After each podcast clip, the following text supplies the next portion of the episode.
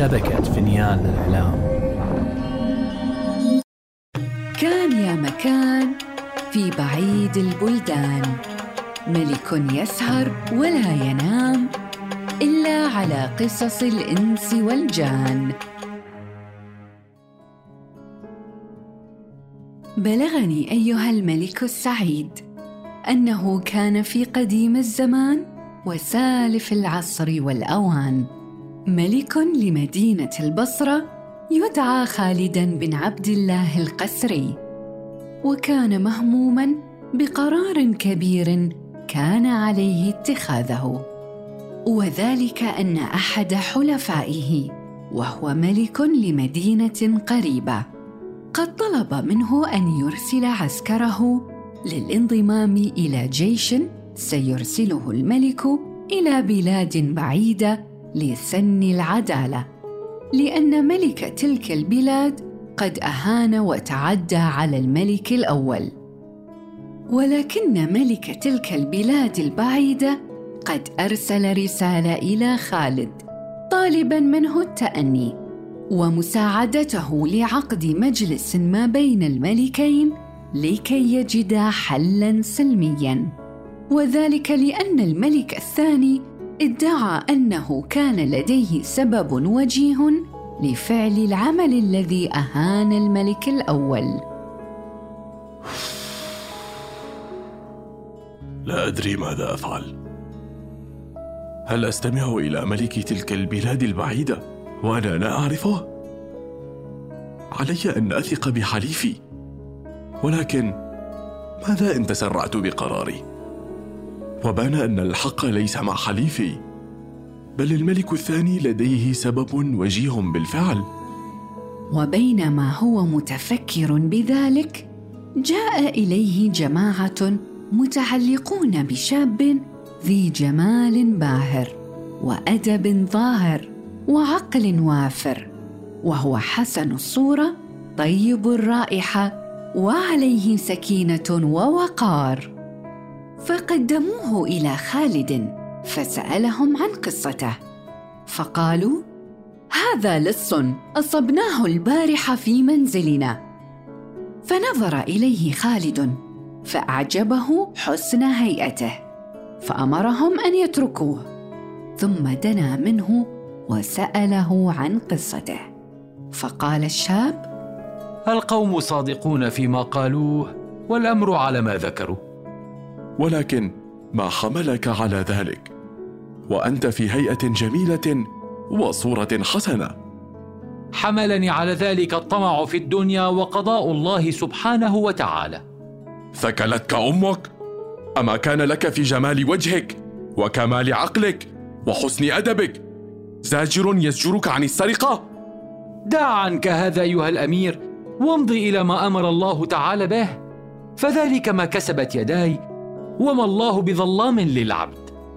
فسكت خالد ساعة يفكر في أمر الفتى ثم أدناه منه وقال له إن اعترافك على رؤوس الأشهاد قد رابني وأنا ما أظنك سارقا ولعل لك قصة غير السرقة فأخبرني بها. أيها الأمير لا يقطع نفسك شيء سوى ما اعترفت به عندك. وليس لي قصة أشرحها إلا أنني دخلت دار هؤلاء فسرقت ما أمكنني فأدركوني وأخذوه مني وحملوني إليك. احبسوه! فأمر خالد بحبسه وأمر مناديا ينادي بالبصرة إلى من أحب أن ينظر إلى عقوبة اللص وقطع يده فليحضر من الغداة إلى المحل الفلاني.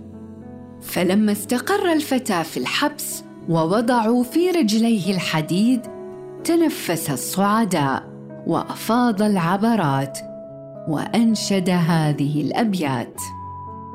هددني خالد بقطع يدي إذا لم أبح عنده بقصتها. فقلت هيهات أن أبوح بما تضمن القلب من محبتها. قطع يدي للذي اعترفت به أهون للقلب من فضيحتها. وقد سمع ذلك الموكلون به فأتوا خالدا وأخبروه بما حصل منه. فلما جن الليل أمر بإحضاره عنده. فلما حضر لمنطقته رآه الأمير عاقلا فأمر بطعام فأكلا. وتحدث معه ساعة كاملة. ثم قال له خالد. قد علمت أن لك قصة غير السرقة. فإذا كان الصباح وحضر الناس وحضر القاضي وسألك عن السرقة فأنكرها. واذكر ما يدرأ عنك حد القطع. ثم أمر أن يرجعوا به إلى السجن. وعاد يتفكر بمحنته مع الملكين وهو لم يصل إلى قرار بعد.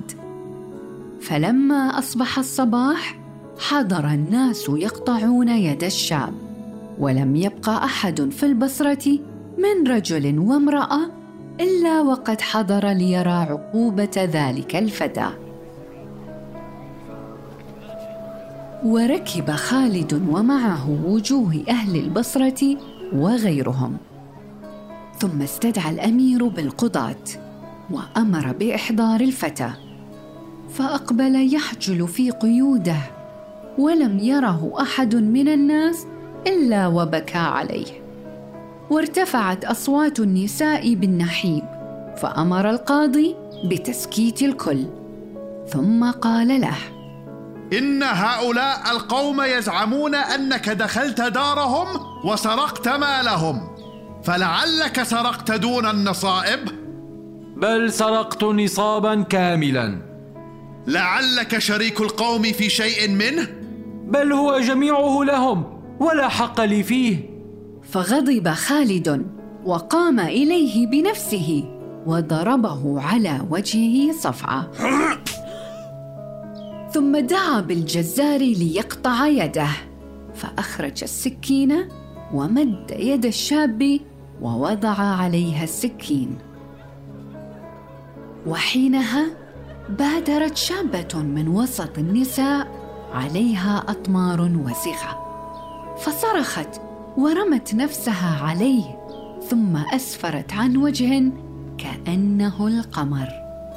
وارتفع في الناس ضجة عظيمة وكاد أن يقع بسبب ذلك فتنة طائرة الشر. ثم نادت تلك المرأة بأعلى صوتها. ناشدتك الله أيها الأمير. لا تعجل بالقطع حتى تقرأ هذه الرقعة. أخالد هذا مستهام متيم. رمته لحاضي عن قسي الحمالق. فأصماه سيف اللحظ مني لأنه حليف جوى من دائه غير فائق. أقر بما لم يقترفه كأنه. رأى ذاك خيرا من هتيكة عاشقي فمهلا عن الصب الكئيب فإنه. كريم السجايا في الورى غير سارق. فلما قرأ خالد هذه الأبيات تنحى وأسكت الناس وانفرد عنهم. أسكتوا! وأحضر المرأة ثم سألها عن القصة. فقالت له إن هذا الفتى عاشق لي وأنا عاشقة له ولكن أبي قاسي القلب شديد التحفظ وأعلم أنه لن يقبل لي أن أرى حبيبي. وهو يعاقبني ويضربني إن لم أطع أوامره. فاتفقنا أنا وحبيبي أنه كلما أراد زيارتي يتوجه إلى دار أهلي ويرمي حجرا في الدار ليعلمني بمجيئه. وجاء يوما ففعل ذلك. فسمع أبي وأخي صوت الحجر فصعدوا إليه. فلما أحس بهم جمع قماش البيت كله وأراهم أنه سارق سترا عليه. فلما رأوه على هذه الحالة أخذوه وقالوا هذا سارق وأتوا به إليك. فاعترف بالسرقة وأصر على ذلك حتى لا يفضحني. وقد ارتكب هذه الأمور واتهم نفسه بالسرقة لفرط مروءته وكرم نفسه. إنه لخليق أن يسعف بمراده. ثم استدعى الفتى إليه وقبله بين عينيه وأمر بإحضار أبي المرأة وقال له يا شيخ إنا كنا عزمنا على إنفاذ الحكم في هذا الفتى بالقطع ولكن الله عز وجل قد حفظه من ذلك وقد أمرت له بعشرة آلاف درهم لبذله يده حفظا لعرض ابنتك وصيانتها من العار. وقد أمرت لابنتك بعشرة آلاف درهم حيث أخبرتني بحقيقة الأمر. وأما أنت فقد سمعت عن سوء تصرفك معها وأنا أسألك الآن أن تزوجها منه إن قبلت لكي لا تمضي يوما آخر تحت طغيك وأحرج الأمير أبا الشابة بكلامه. فعمل بما أمر ثم التفت الأمير إلى الفتى وقال له قد زوجتك هذه الشابة الحاضرة بإذنها ورضاها وعلى هذا المال وقدره عشرة آلاف درهم. قبلت منك هذا التزويج أيها الأمير وأشكرك على ما فعلت. ثم إن خالدا أمر بحمل المال إلى دار الفتى مزفوفا في الصواني. وانصرف الناس وهم مسرورون. وعاش الشاب مع الشابة في فرح وألذ عيش. وهذا ما كان من أمرهما. أما ما كان من أمر خالد فهذه القصة قد علمته ما يجب أن يفعل بقراره بين الملكين. فعاد إلى قصره وكتب رسالة إلى حليفه الملك. يقول له أنه سيعقد مجلس سلام ما بينه وبين ملك البلاد البعيده لكي يسمع قصته ويفهما أسبابه وأقام ذلك وبسببه تجنبا معركة وحربا. فسبحان الباقي بلا زوال والحمد لله على كل حال. وأدرك شهرزاد الصباح فسكتت عن الكلام المباح.